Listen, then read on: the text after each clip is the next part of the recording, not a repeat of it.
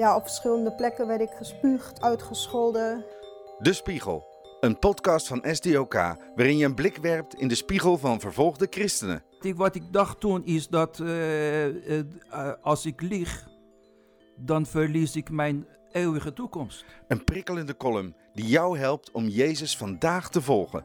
En uh, zelfs toen ik werd geslagen, had ik echt zo'n vreugde van binnen van... dit is het, ze mogen me alles afnemen, maar dit kunnen ze me niet meer afnemen. Met Richard Groeneboom.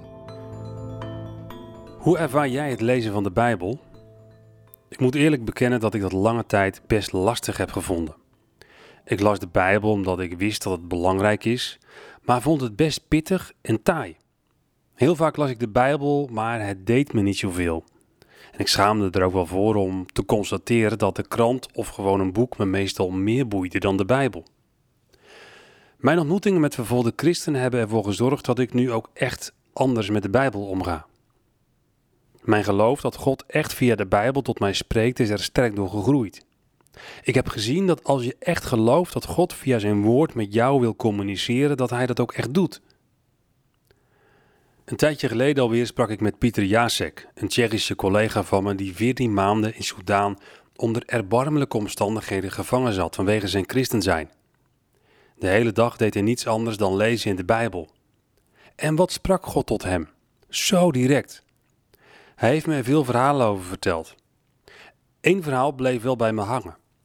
Pieter vertelde dat hij elke dag een psalm las onder een boom op de binnenplaats van de gevangenis. Toen was Psalm 126 aan de beurt.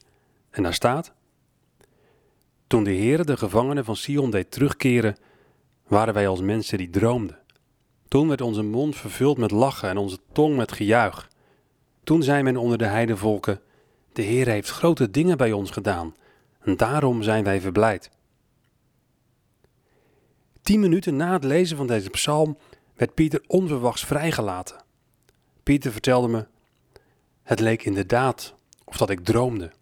Mijn medecelgenoten begonnen te lachen en te juichen. Het verhaal maakte veel indruk op me. God spreekt door zijn woord. Door dit soort verhalen ben ik anders de Bijbel gaan lezen.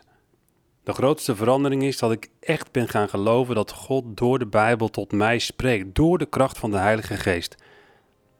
Dat geloof was daarvoor meer een theoretische werkelijkheid, een theoretische waarheid. Het gebeurt niet elke dag dat God op deze spectaculaire manier spreekt, maar hij laat wel van zich horen.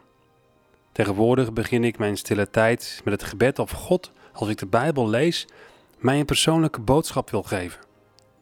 En regelmatig gebeurt dat ook. God spreekt door de Bijbel, dat heeft hij beloofd. Als hij tot Pieter en tot mij spreekt, dan doet hij dat ook tot jou. Dat is een ding wat zeker is.